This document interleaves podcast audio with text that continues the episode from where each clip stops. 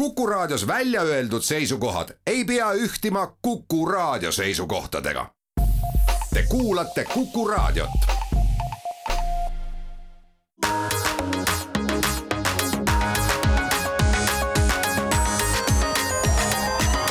digitund tere hommikust, head Kuku raadio kuulajad, on esmaspäev, kaheteistkümnes september ja Digitund alustab nüüd. stuudios on Mait Tafenau, Indrek Vaheoja ja Andrus Raudsalu ja saate teises pooles liitub meiega ka Rainer Selvet, kes on siis äh, sellise Eesti startup'i nagu Ready Player Me äh, kaasasutaja ja tehnoloogiajuht. Ja Ready Player Me teatavasti kaasas just äh, augusti lõpus märkimisväärse summa raha selleks, et siis oma avatari teenust üle maailma aina laiemalt levitada, aga sellest me räägime juba saate teises pooles ja alustame siis äh, võib-olla seda saate poolt sellega, et räägime ära kõigepealt mõned uudised ja siis äh, möödunud nädalal toimus ka üks tähtis üritus, nimelt äh, Apple'i siis sügisene tooteuuenduste tutvustus, et sellel peatume pikemalt. aga alustame sellest, et alates tänasest on käima tõmmatud Eestis üks väga oluline siis initsiatiiv, selle nimi on Anneta kõnet ja selle mõte on siis selles, et et selleks, et eesti keele, eesti kõnetehnoloogia areneks, siis kõik inimesed, kõik raadiokuulajad, kõik teie, kes te kuulate täna meie saadet, saate minna lehele Anneta Konet ehk siis õ-tähte seal ei ole, annetakonet.ee ja seal siis äh, rääkida põhimõtteliselt äh, sellele lehele siis oma, nii nagu te räägite, salvestada sinna oma kõnet, vahet ei ole, kas te olete eesti keele rääkija emakeelena, kas te räägite eesti keelt õpitud äh, keelena, kas te räägite mõnda murret või muud, et kõik on teretulnud. esiteks muidugi, Andrus, võid ka minna annetakõnet.ee, et, et ta ikkagi tunnustab ka äh, siis nii täpitähti kui ka, kui ka siis õ-tähte, aga projekt on ja väga selline huvitav, et esiteks üks asi on see, et, et eesti keele säilimise jaoks on see oluline ja teine asi on muidugi see, et oodataksegi väga sellist ka slängi ja, ja murdekeelt ja mis veel parem, kõnekeelt ja ka estonglish on väga okei okay., kui sa igapäevaselt kasutad estonglishit, mis noh, ütleme sinu kooliaegsele emakeeleõpetajale ilmselgelt ei meeldi, aga selle projekti raames on, on tegu väga-väga hea sellise mm, noh, juhusega, seepärast et inimesed igapäevaselt nii räägivad. mis sellega peale hakatakse? no sellega hakatakse, see kõik, mis sa salvestad, eh, see tra transkribeeritakse teksti, nii et, et seal on kümned ja kümned inimesed, kes siis kuulavad inimeste salvestatud teksti, panevad selle siis kirja ja seda siis hakatakse edasi kasutama üks eh, noh, näiteks ka vaegnägijatele, live subtiitrid telesaadetele, aga loomulikult ka kõikvõimalikud siis igasugused elu abistavad asjad nagu häälkäskluste andmine sinu siirile ja kõik muu selline. masinad, kes aru saavad. ei vaata, vaata tegelikult, tegelikult on ju nii, et, et nii nagu mina aru saan, siis sellest tekib üks noh, nii-öelda riiklik andmebaas, mis on tegelikult tasuta kõigile kasutamiseks, nii riiklikele institutsioonidele kui ka eraettevõtjatele, nii et kui keegi tahab, siis noh, hakata treenima mingisugust eestikeelset kõnerobotit, ükskõik mida tegema, kas noh, ma ei tea, häälkäske vastu võtma, kas ma ei tea, midagi ette lugema või midagi muud, siis, siis nemad võivad tegelikult minna selle andmebaasi juurde, see on Eesti avaandmetes olemas ja kasutada siis kõiki neid materjale, nii et noh, mida rohkem me tegelikult kõik sinna oma kõnet annetame, seda paremaks tulevikus meie Eesti kõnetehnoloogiad saavad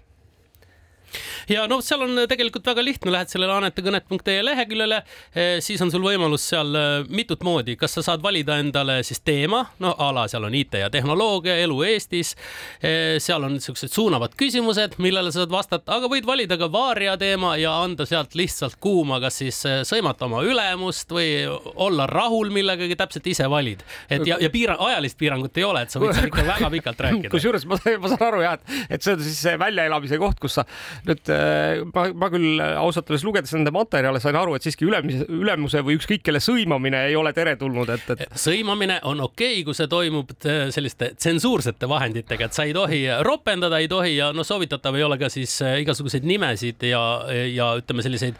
noh, mitte avalikust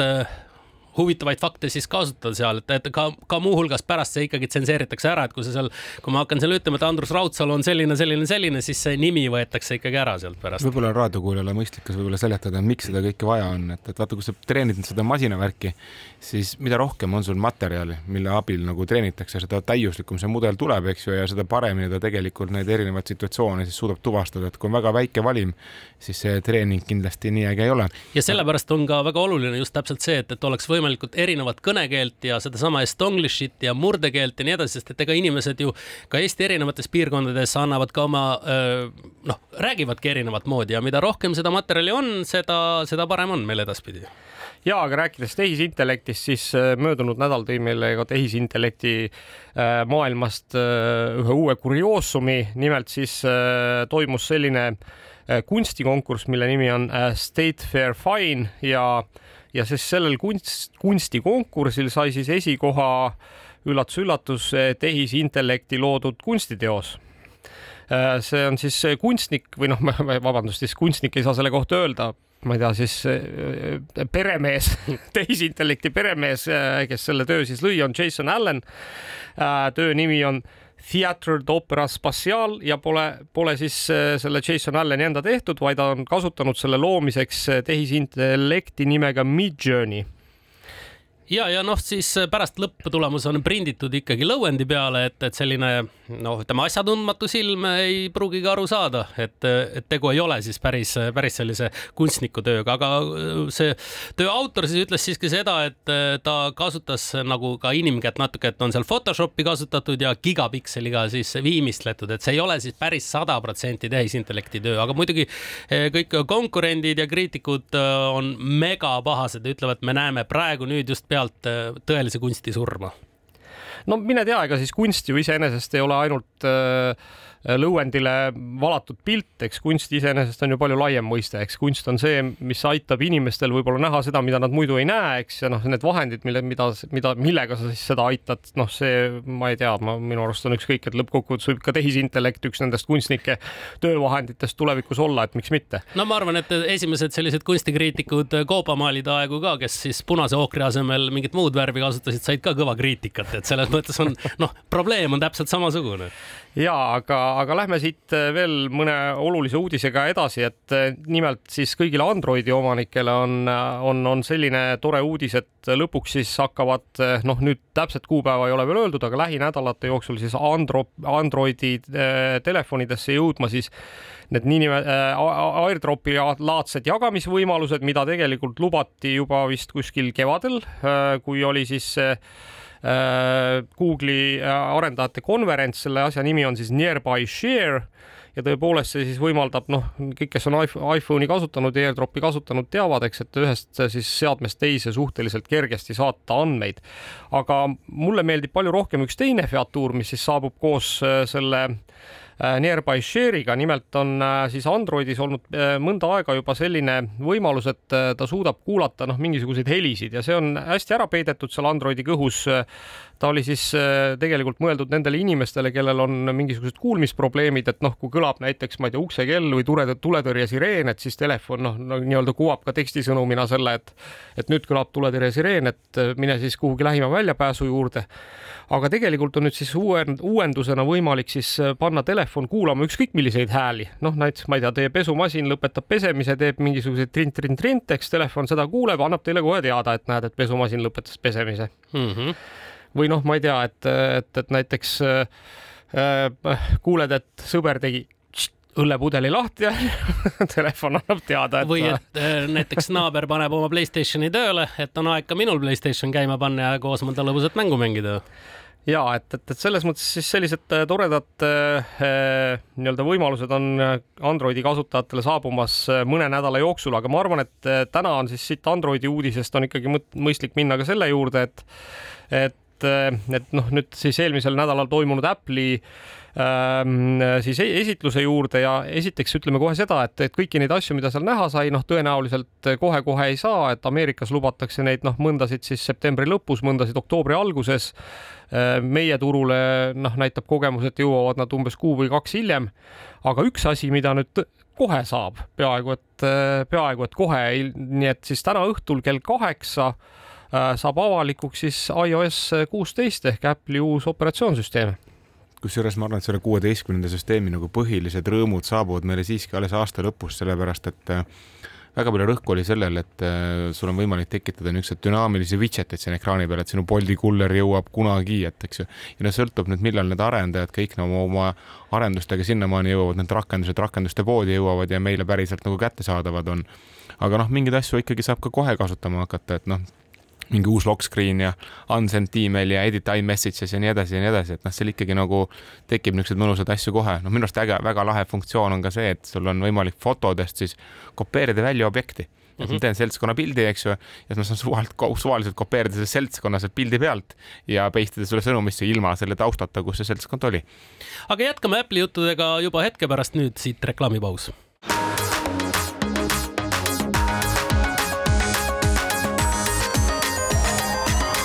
digitund. digitunni teine veerand on teiega, stuudios on Mait Tafenau, Indrek Vaheoja ja Andrus Raudsalu ja jätkame Apple'i möödunud, möödunud nädalase äh, tooteesitluse teemadel. Äh, näidati siis esmajoones äh, uusi telefone.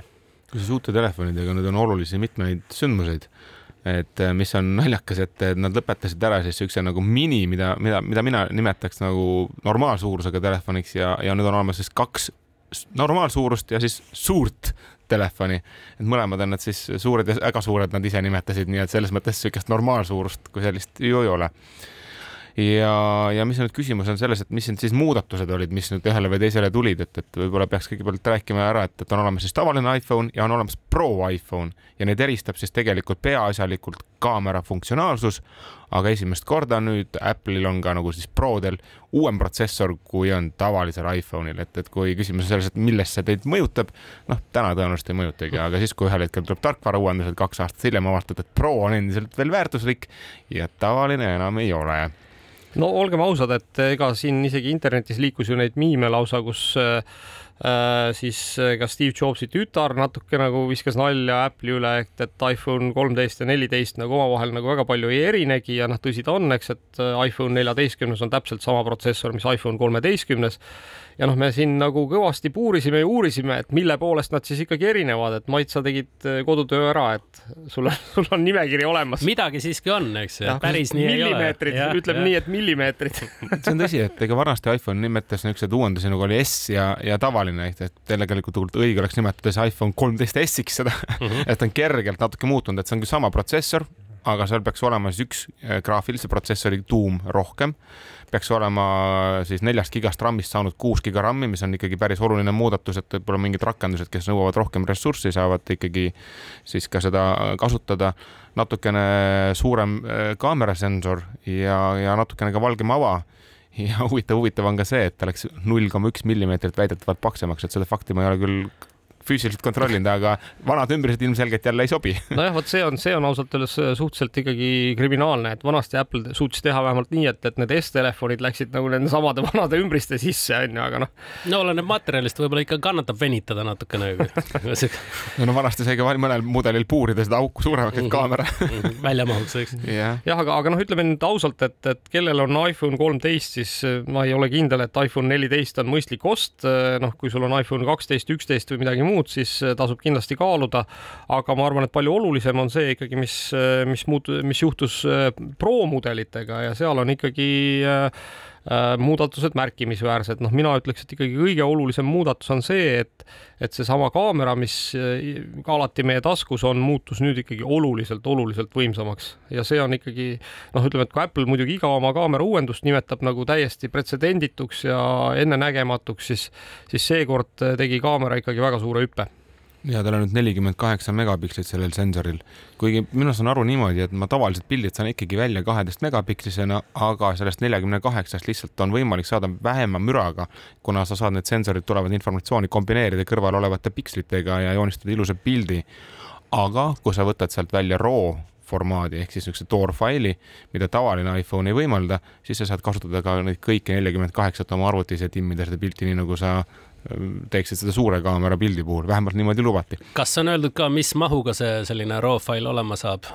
Vot seda mina ei tea, seda ma välja ei lugenud, aga see on niisugune avastamisrõõm igale ühele siis. aga mis on olulised asjad veel, et seal tuli ka kaks korda heledam ekraan ja ma arvan, et see on üks väga niisugune oluline asi, et kui te päikse käes oma telefoniga olete, siis noh, kõik teavad seda tunnet, et, et sa ei näe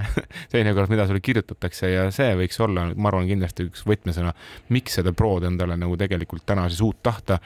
ja, ja, ja teine pool on ka see, et tal on nüüd always on display. Ehk siis, et sul enam telefon ei lähe tuttu et sul on võimalik seda kellaaega sealt ekraani pealt kogu aeg jälgida, see kell jääb sinna helendama, taustapilt mõnusalt timmitakse sealt maha ja ka olulised tekstsõnumid jäävad sul siis ekraanile niimoodi mugavalt jälgimiseks, et noh, et sa näed oma Bolti kullerit seal liikumas, eks ju, kui see ühel hetkel rakendusest saadavale tuleb. ja, ja noh, ütleme, et et võib-olla üks, üks, üks teine selline noh, kuidas ma nüüd ütlen, asi, mis siis, mis näitab seda, et kas Apple'il on ikkagi omadus, et, et, et suuta välja mõelda noh, mingisugune mõttetu asi ja teha sellest siis selline Äh, noh, moeasi on ju, et noh, kulmu me kõik mäletame, et kuidas siis ühel hetkel hakkasid ka Androidi telefonidel tekkima kulmud on ju. Äh, ja nüüd siis äh, iPhone neliteist Pro'l on kulm kadunud ja selle asemel on tekkinud siis saareke kas see saareke on niisugune, mis on siis kujunduslikult kasvab suuremaks, kui keegi sulle helistab, eks ju, sealt kasvavad välja mingid informatsioonid erinevate tegevuste kohta, kõrvaklapid on ühendatud äh, ja nii edasi ja nii edasi, et et see on nagu Apple'i oskus alati olnud läbi aegade nagu siuksed koledad disaine teha kuidagi nagu praktiliseks ja teha, et see peabki nii olema ja, ja, ja. ja arvan, edasi et... saab sellest juba standardiks teistele ka. ja, ja usu mind, usu mind, et, et tegelikult vaata praegu noh, kuna see saareke, see põhjus on ju selles, et, et selle koha peal ekraani taga on tegelikult kaamerad ja, ja, ja kõik need kaugussensorid ja muud asjad. kuigi kaugussensor esimest korda on nüüd hoopis ekraani taga, mitte siis enam selle saarekese sees, vaid see pandi ekraani pikslite taha aa, vot, vot see jäi mul kahe silma vahele. sellepärast ta läks ka väiksemaks. aga no e-, anyways, eks, et ma arvan, et ma arvan, et nüüd nagu noh, me näeme varsti nagu mõnda Hiina telefoni, kus võib-olla äh, see kaamera ei ole üldse seal noh, kuskil selle saarekese sees, aga saareke on ikka tekkinud, eks, et mis nagu venib ja suureneb ja väheneb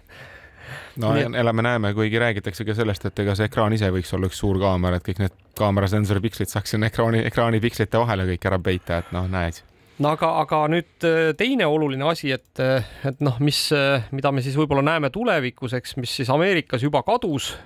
kadus siis meile harjumuspärane SIM-kaardi siis slot või, või, või koht, kuhu siis SIM-kaarti panna, nii et Ameerikas turule tulevad telefonid on ainult e-SIM-iga kusjuures e-SIM on meil ka olemas, lihtsalt noh, meil jääb alles ka see SIM-kaardi pesa, et ei ole muret, et, et kuidas ma siis oma mobiil-ID-ga saan hakkama, et see jääb meile veel alles, aga, aga siis on nii, et kui sõber toob Ameerikast telefoni, siis sellega teil seda enam ei ole. nojah, siin võib mõelda, et mis see järgmine asi on, mille Apple ära kaotab, et. ma arvan, laadimispistik ja, jah, sisselülitamisnupp. sest üks asi, mida üks asi, mida ei tulnud, oli USB-C, mida kõik väga ju ootasid, et lõpuks ometi tulevad Apple'i seadmed kõik läbivalt USB-C-ga. aga siiski on seal Lightning ja, ja ma arvan, et nad seda sõda peavad nii kaua, kuni ühel hetkel ütlevad, et aga me ei panegi enam pistikut sinna alla no vot, eh, mine võta kinni, et kõik need eh, kuulujutu levitajad ikkagi räägivad, et järgmine versioon on USB-C-ga ja et neid pistikuid on juba Apple kõvasti valmis teinud. kolmeteistkümneks, neljateistkümneks, no seda lubatakse veel, jõuame kahekümne viienda versioonini ja lubatakse edasi siis ka. okei okay. aga, aga üks, üks noh, ma ütleks, et küll pigem põnev uuendus, et mis, mis ei ole nüüd tõenäoliselt väga suurt praktilist kasu ei oma, aga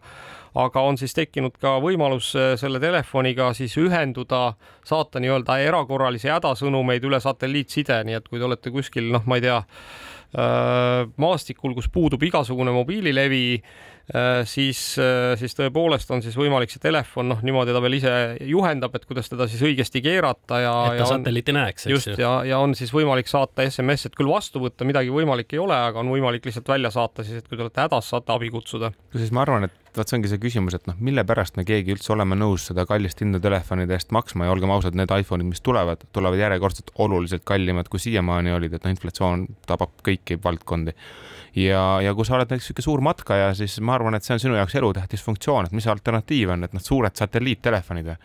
ja kusjuures, kui keegi nüüd ütleb, et, et see nüüd Apple'i nagu revolutsiooniline uuendus, siis tõesti see on, aga samal ajal tuli ka välja uudis, et Huawei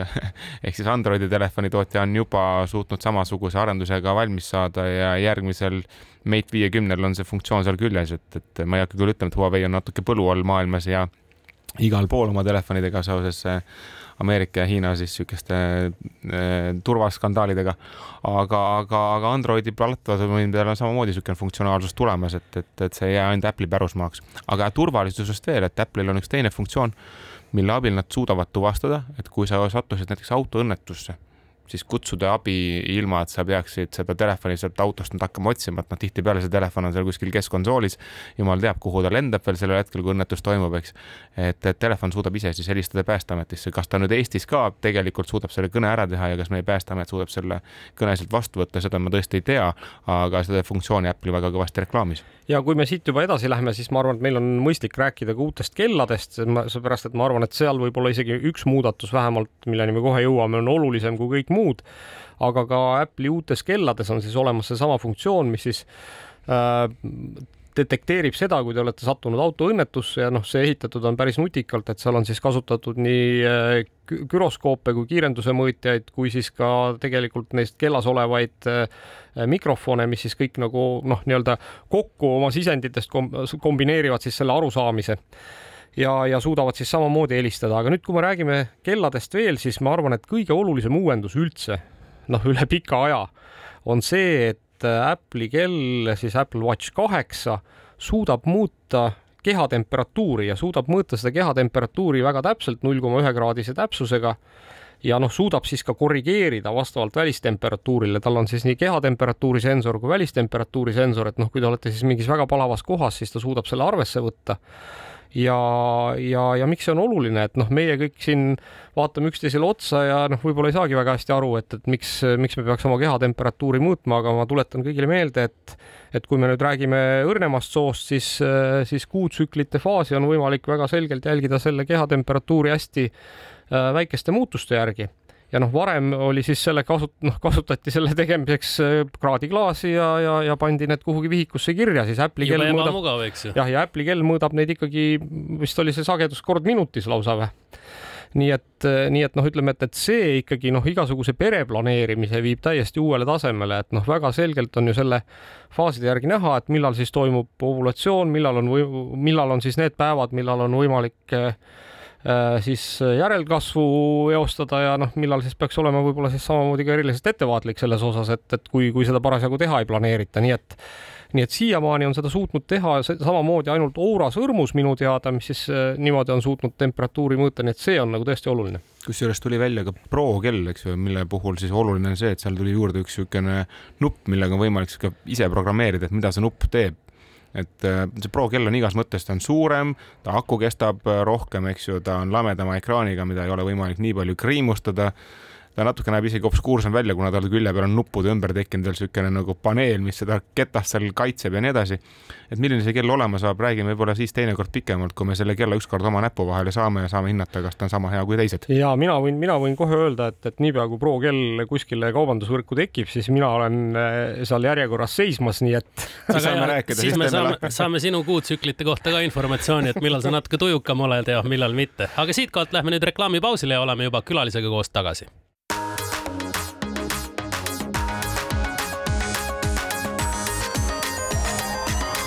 digitund. digitund jätkab siit oma teise poolajaga. stuudios on jätkuvalt Mait Tafenau, Indrek Vaheoja ja Andrus Raudsalu ja nüüd on meil külas ka Rainer Selvet eh, sellisest ettevõttest nagu Ready Player Me ja kui nüüd kuulajad hästi mäletavad, siis eh, Ready Player Me just kaasas suures koguses raha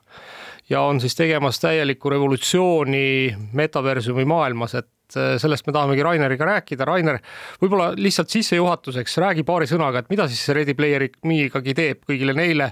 kasutaja, meie kuulajatele, kes ei ole veel eh, teie, teie kuskil teie teenusega kokku puutunud mm. -hmm. ja tänan kutsumast um,. ja Ready Player Me siis on uh, avataride platvorm Metaverse'i jaoks ehk uh, kui Ready Me äh, lõppkasutajale tähendab seda, et sa saad omale avatari, avatari, millega saad siis erinevatesse mängudesse, erinevatesse aplikatsioonidesse, aplikatsioonidesse minna. et Ready Me on äh, kaks aastat vana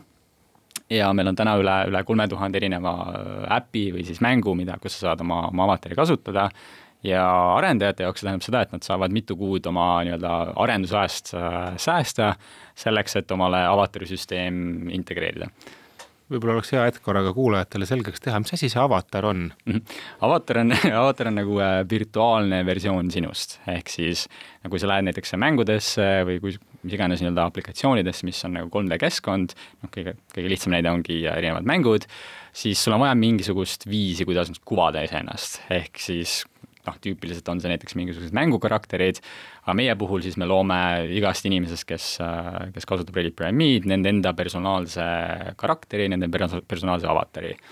see võib sinu moodi välja näha, aga samas sa saad seda nagu täiesti kontrollida, samal juukseid muuta, silmavärvi muuta, erinevaid riideid selga, selga panna ja nii edasi, ehk siis see on sinu virtuaalne väljanägemine. ühesõnaga, see võib olla, võib minu moodi olla ja võib juhtuda, et ma hoopis tegelikult tahaksin päriselt virtuaalmaailmas olla keegi teine, et hoopis teise kehaehitusega, võib-olla ka teisest soost ja mis iganes, et ma saan. kas ma endast kas ma endast mingi rohelise sisaliku saan ka teha või see on nagu, see on plaanis küll jah, et täna, täna veel Rediplerimi kaudu sisalikuks ei saa, aga see on jah, erinevad nii-öelda mitte human character. ja no ma arvan, et Maidul on seda vaja, ma kahtlustan, et on ikkagi sisalike esindaja meie hulgas. aga kuidas te niisuguse probleemini üldse jõudsite, et, et on vaja avatari kuskile keskkondadesse tekitada? jah, noh, ettevõtte ise meil on nagu kaheksa aastat äh, vana, Reddit Premium on kaks aastat vana ja nagu me oleme alati nagu ehitanud asju, mis on siis inimesi kuidagi virtuaalmaailma liigutanud ühel või teisel viisil, et erinevaid tehnoloogiaid. Ähm, see moment, kus meil nagu selgeks sai see, et reaalselt on mingisugust virtuaalversiooni avatari inimestele vaja, oli see, kui äh, Facebook ostis Oculus ära see oli siis kaks tuhat, äh, kaks tuhat neliteist, vist kui ma õigesti mäletan, ja me saime aru ka sellest, et et VR saab olema suur ja see VR saab olema ka social, ehk see VR saab olema sotsiaalne. eks inimestel on vaja mingisugust digitaalset äh, versiooni ise, iseendast ja noh, läbi selle siis me ehitasime erinevaid tehnoloogiaid äh, mängudele,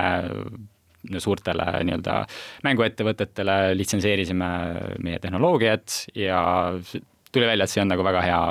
reaalne äri tegelikult, et me saime, me olime küll break-even äh,, tehnoloogiaga olid inimesed rahul, aga samas alles siis, kui me Ready Player Me välja ehitasime, mis on siis täiesti avatud platvorm, igaüks saab nagu täiesti tasuta integreerida omale avatarid, alles see oli see moment, kus me hakkasime reaalselt nii-öelda product market fit'i siis äh, saama ühesõnaga, kas ma saan õigesti aru, et äh, kui mina olen nüüd mingisuguse mängu arendaja, siis noh, niikuinii kui tänapäeval arendamine käib, kasutan mingeid valmis komponente siit, midagi sealt ja teie siis lahendate minu jaoks ära selle, et, et ma ei pea ise avatari süsteemi lahendama, saan tulla teie juurde ja teie käest siis saada endale vajalikud tööriistad? jah, täpselt nii, ehk siis nagu meie nii-öelda esimene noh, praegune kõige suurem nii-öelda väärtuse arendajal ongi see, et sa saad meie nii-öelda off the shelf lahenduse ja sa ei pea nagu mitut kuud äh, või noh, meie puhul on see nagu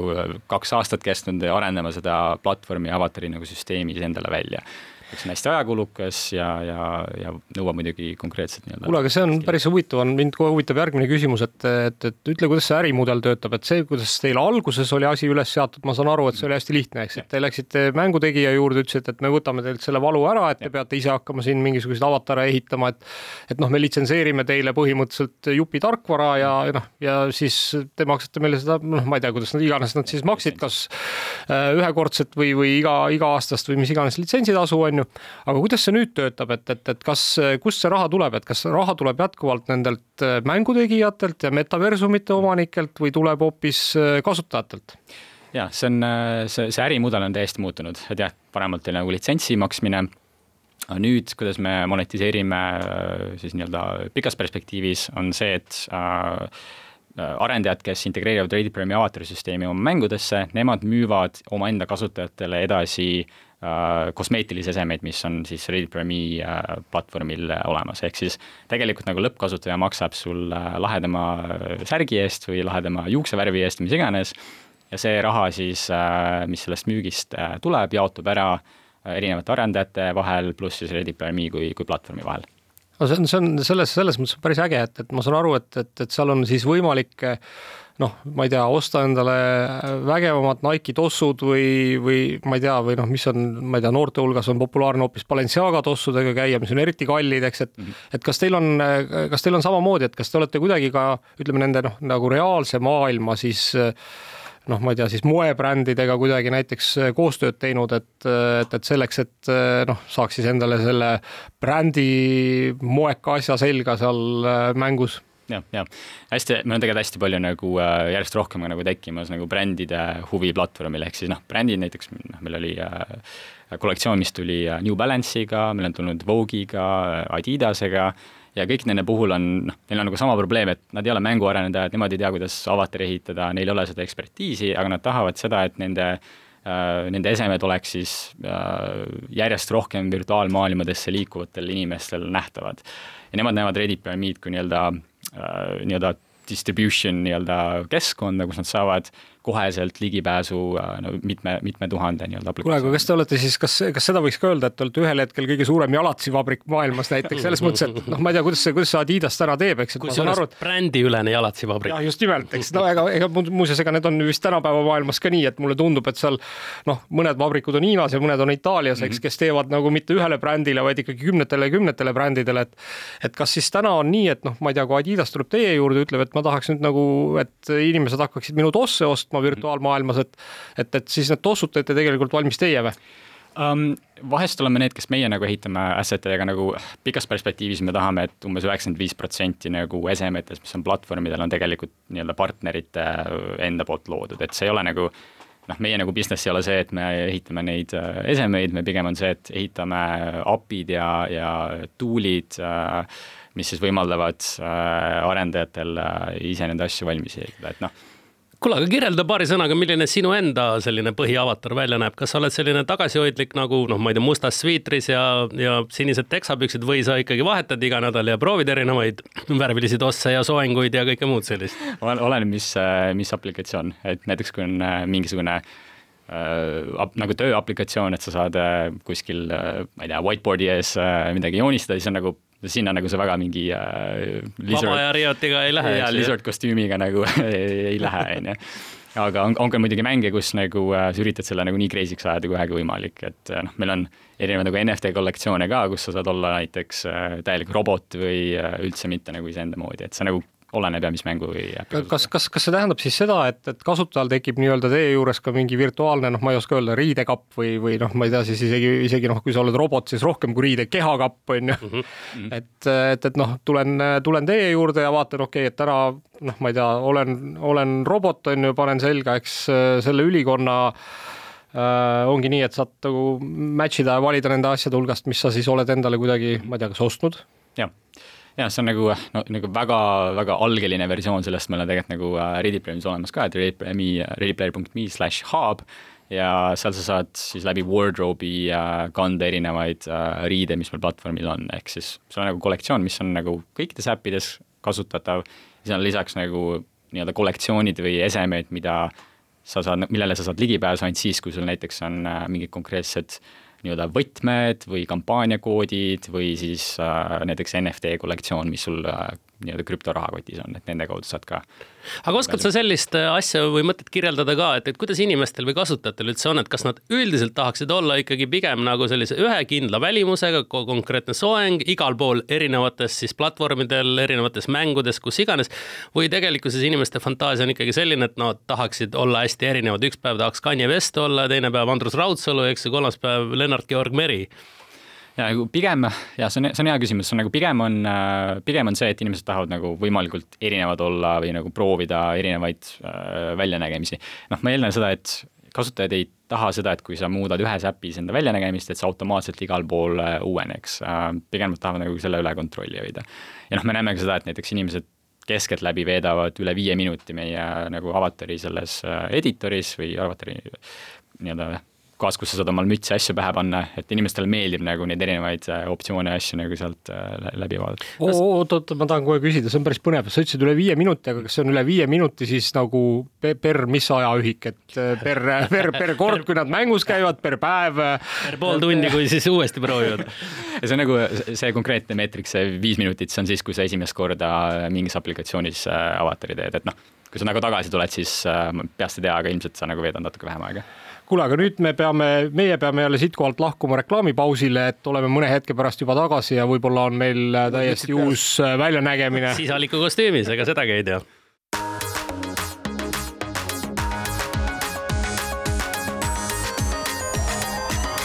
digitund digitund äh, alustab oma viimast veerandit ja Digitunnil on siis täna külas äh, Ready Player Me äh, kaasasutaja Rainer Selvet ja Raineriga räägime siis edasi sellest, et kuidas siis inimesed virtuaalmaailmas oma väljanägemist kujundavad ja, ja, ja, ja kuidas elu seal käib, et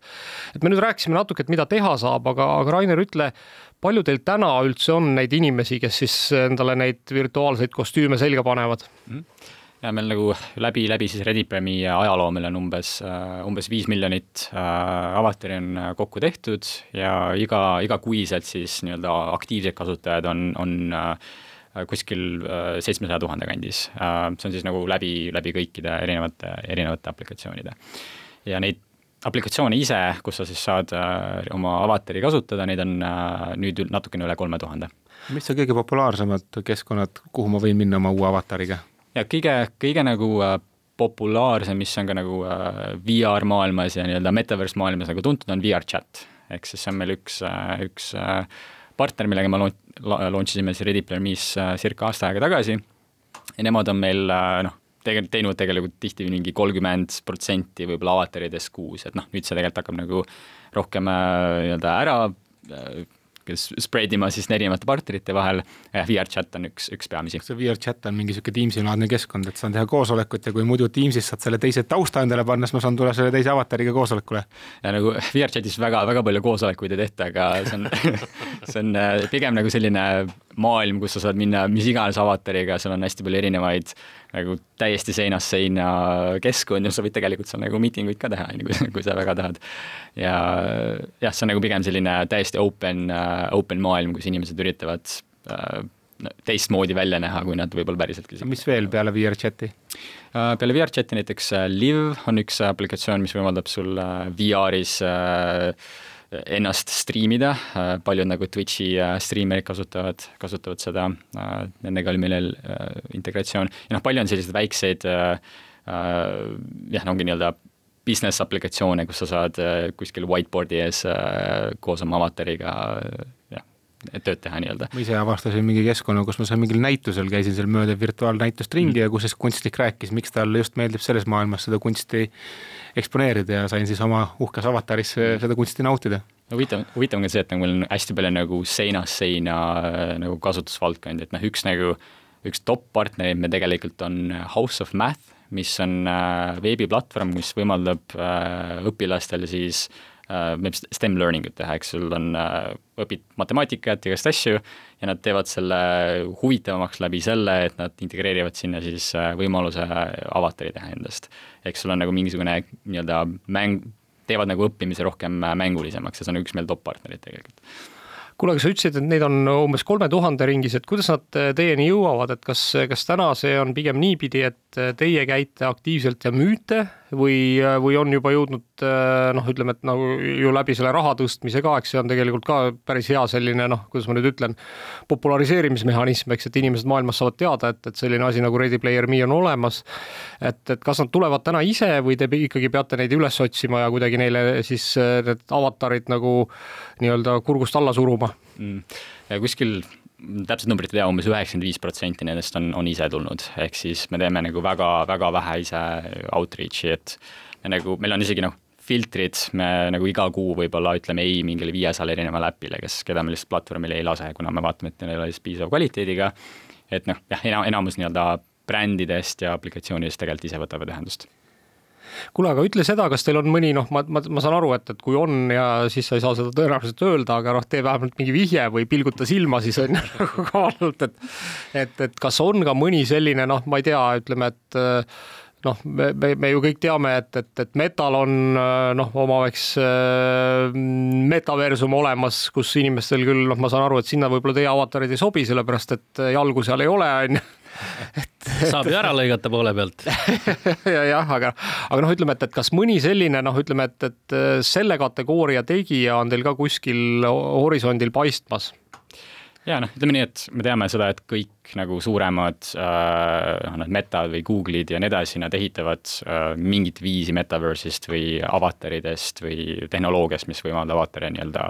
erinevatesse mängudesse viia ja nii edasi, et äh, jah see on nagu, see on obvious, Meta muidugi see nii-öelda leading, leading platvorm nime järgi ka loomulikult, kes seda teeb, aga noh, meie nii-öelda meie nagu vaatevinkel, kuidas seda nagu maailma arendada, on hoopis teine, ehk siis noh, Meta ja noh, paljud suured ettevõtted üritavad nii palju ehitada nii-öelda seinu ümber enda platvormi ja siis sealt äh, selle läbi raha teenida, et meie vastupidiselt loomulikult me oleme ka platvorm, aga me ehitame täiesti avalikke API-sid, avalikke tool'e, üritame nii, nii palju ähm, teha oma lähtekoodi või siis äh, koodi ka avalikuks, open source ida hästi palju kui, nii, nii palju kui võimalik, et meie nagu viis, kuidas seda asja ehitada, on hoopis teine, et me oleme erinevate äppidega seotud, mitte nagu ühe konkreetse äpiga sellega mina olen, mina kirjutan sellele sada protsenti alla, sellepärast et ma arvan, et ühe Mark Zuckerbergi peas ei saa olla nagu terve, terve maailma nagu tulevik või see, eks, et kuidas me nagu siis tulevikus hakkame käituma ja, ja, ja milliseid asju kasutama. et et pigem ma olen ka seda meelt, et, et see kuidagi peab olema siis open source ja, ja, ja selline, mis siis on nagu ristkasutatav igal pool mujal, et ütle, kuidas praegu seal virtuaalmaailmas üldse on, et et kas on olemas mingisugused standardid, noh, ma ei tea, näiteks a la avatari standard, et noh, et, et eh, nii nagu on ju paljudel teistel asjadel, eks standardid olemas, et noh, meil on avatari standard on ju, juhul juhul, kui sa sellele avatari standardile vastad või noh, sa tead, eks, et, et sa saad siis oma nagu äh, rakendused vastavalt ehitada, eks, et, et ta toetaks seda standardi ja teistpidi siis inimeste jaoks tähendabki see seda, et sinu avatar on noh, portatiivne, eks, et või sa võid teda ühest rakendusest teise tõsta, et, et kuidas see, kas seal on praegu juba mingid standardid tekkimas või, või, või, või, või kuidas see asi on mm? ja kui sa oleks nagu küsinud seda näiteks kaks aastat tagasi, siis ma oleks öelnud, et no need standardid põhimõtteliselt ei ole aga noh, viimase nagu paari aasta jooksul on, on järjest rohkem äh, tekkinud, üks suurimaid nii-öelda noh, nii-öelda portatiivne nii-öelda, kui sa tead, et näiteks pildid on äh, JPEG või PNG, on ju, siis äh, selle nii-öelda vastand siis nii-öelda 3D maailmas oleks äh, GLTF, GLTF, see on üks formaat, mis on millesse paljud näiteks Snap investeerib, Microsoft ja Shopify ja paljud teised nii-öelda veebiplatvormid, veebiplatvormid ja suured ettevõtted investeerivad sellesse formaati, ehk siis oleks järjest rohkem võimalik nii-öelda 3D esemeid ja asju siis ühest keskkonnast teise tõsta. Mis puutub näiteks avataridesse, siis äh, noh, ongi sellised formaadid nagu VRM, mis on tegelikult nagu GLTF-i äh, nii-öelda, nii-öelda exten-, extension või nii-öelda edasiareng, aga tegelikult noh, see, kuidas meie nagu ähm, ReadyPrime'is sellele läheneme, on see, et me ehitame nii palju avalikele standardidele, me ehitame hästi palju äh, GLTF-i peale, aga samas me teame seda, et selleks, et äh, erinevad äpid üldse ReadyPrime'i avatari kasutama hakkaksid, me peame me peame nii palju nende nii-öelda maailmadesse sobituma kui vähegi võimalik, ehk siis me oleme ehitanud nagu täiesti äh, nagu proprietary siis äh, süsteemi äh,, mis meil iga äpi jaoks äh, võtab meil asset'id ja avatarid ja konverteerib selle täpselt selliseks äh,, nagu sobitub sinna konkreetsesse mängu. ehk siis tegelikult meil on nagu lisaks nagu andmebaasile, mis on partnerid, partneraplikatsioonid, meil on lisaks andmebaas täpselt nendes konfiguratsioonides, kuidas avatarid sobituvad nendesse konkreetsetesse äppidesse. ma lugesin just, et ka tuntud animatsioonikompanii Pixar on panustamas mingisse uute avatari standardisse mm. -hmm ja see on, see on USD, USDZ ehk siis see on, just nagu GLTF on see nii-öelda viis, kuidas sa saad 3D mudelit võimalikult kiiresti siis äh, on see telefon või laptop või mis iganes äh, GPU peal äh, graafikakaardil äh, siis renderdada ja see Pixari, Pixari formaat tegelikult võimaldab sul äh, nagu terve stseene, noh, on see terve näiteks mängukeskkond ühest aplikatsioonist äh, teise viia, et järjest rohkem jah. keerulisem ja võimsam. keerulisem, võimsam, noh teise nagu äh, kasutusalaga ka muidugi, aga jah, see võimaldab nagu järjest rohkem nii-öelda portatiivseks asju teha aga ütle sellist asja ka, kas Zuckerberg ka teab, et selline asi nagu Ready Player Me on olemas ja kas või tema mõned käsilased või minionid, kas on kursis asjaga või on teiega ühendust ka võtnud? Otseselt Zuckerbergi käest otse ei ole, ei ole, ei ole veel kuulnud, aga, aga mõnede nagu minionite käest küll, ehk siis noh, me oleme nagu äh,, oleme nagu selles mõttes nagu igal pool, igal pool pildis kuule, aga räägime, räägime natuke sellest äh, rahvusvahelisest haardest ka, et, et nüüd see teie rahastusvoor oli ikkagi päris äh, märkimisväärne, noh, iga standardiga, et mitte ainult Eesti standardil, standardist vaadates, vaid, vaid ka noh, ülemaailmselt. et te kaasasite mis oli viiskümmend kuus miljonit vist, eks. ja noh, ja see ikkagi, kes seda vooru juhtis, oli ka üks maailma juhtivaid äh, riskikapitalifonde, eks Andri-, Andriisen Horovits, et et, et kuidas see juhtus, et, et, et kas, kas nad kuidagi otsisid teid ise üles, kas te olite juba selleks piisavalt kuulsad või pidite kõvasti tööd tegema ja nende ukse taga kraapima, et, et, et seda raha kätte saada? Jah, no otseselt nagu kraapima ei, kraapima ei pidanud, et me olime noh, Ready Premie'ga nagu äh, noh, enne seda äh, Serious Speed ka nagu päris, päris pildis juba, aga noh, me olime nagu äh, Andresini jaoks nagu hea fit just selle, selle poole pealt, nad on väga nagu gaming usse ja, ja krüptosse investeeriv noh, just nagu läbi krüpto, uue krüptofondi ka. eks see oli Ready Premie nende jaoks oli nagu väga, väga loogiline investeering, vaadates nagu kõiki teisi äh, ettevõtteid, mis nad oma portfoolios nagu uue, läbi uue krüptofondi siis äh, investeerivad, ehk siis jah, nägi, jäime nagu, jäime silma ja see nii-öelda closing käis ka nagu päris, päris kiiresti. kuule, aga seal on, teil on tegelikult äh, ägedaid investoreid veel, et on näiteks äh, Robloksi pealik, noh, kas tema, kas tema teadis Ready Player Me'st ennem või ta kuidagi tuli läbi Andreesseni või, või, või te teete Robloksiga juba mingit koostööd? Jah, Robloksiga, Robloksi CEO-ga jah, tema, temaga oli, me, temaga meil olime juba, juba varem äh, kontaktis enne, enne meie Series A-d isegi, ehk siis, äh, et see on jah, üks meil Äh, advisor eid olnud vahepeal äh, mitteametlikult, aga andnud nagu palju, äh, palju informatsiooni selle kohta, kuidas, kuidas asju ehitada. aga kuidas, kuidas, kuidas sa praegu hindad, et, et kas nüüd seesama rahastusvoor, mis toimus, et kas see on nagu noh, toonud teile ka nagu mingi suurema nähtavuse või on nagu huvi noh, ma ei tea, ütleme, et võimalike siis partnerite poolt, võimalike potentsiaalsete investorite poolt või noh, võimalik siis, et ka noh, nagu ma saan aru, et Zuckerbergi minionide poolt, eks, et, et, et, et võib-olla tuleb varsti äraostmise ettepanek, et, et kas see huvi nagu on tõusnud või? ja noh, ütleme, et see, see kindlasti nagu äh, koheselt oli näha, näha sellist nagu plahvatust äh,. LinkedIni äh, message box lendas õhku sama, sama announcement'i päeval. noh, kõige parem muidugi see, et nagu järjest lihtsam on palgata inimesi, ehk see noh, inimesed, kes tulevad tööle, nad teavad, meil on äh, pikaks ajaks äh, raha, et äh, elus olla.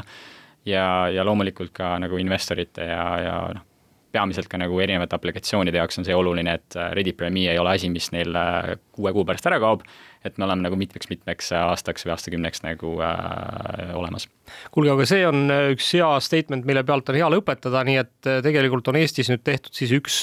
noh, ma võiks öelda, et võib-olla metaversumi uus standard, eks, et, et, et varsti me näeme neid avatare siis igal pool. ja selleks soovime siis omalt poolt teile tuld tiivadesse, et et siis see viiskümmend kuus miljonit läheks ka asja ette ja, ja noh, loodame siis seda, et, et, et see, need noh, kui tekib see võitlus jalgadeta ja jalgadega avataride vahel, siis ikkagi jalgadega avatarid võidavad. ja kõigi kuulajatega kohtume juba nädala pärast.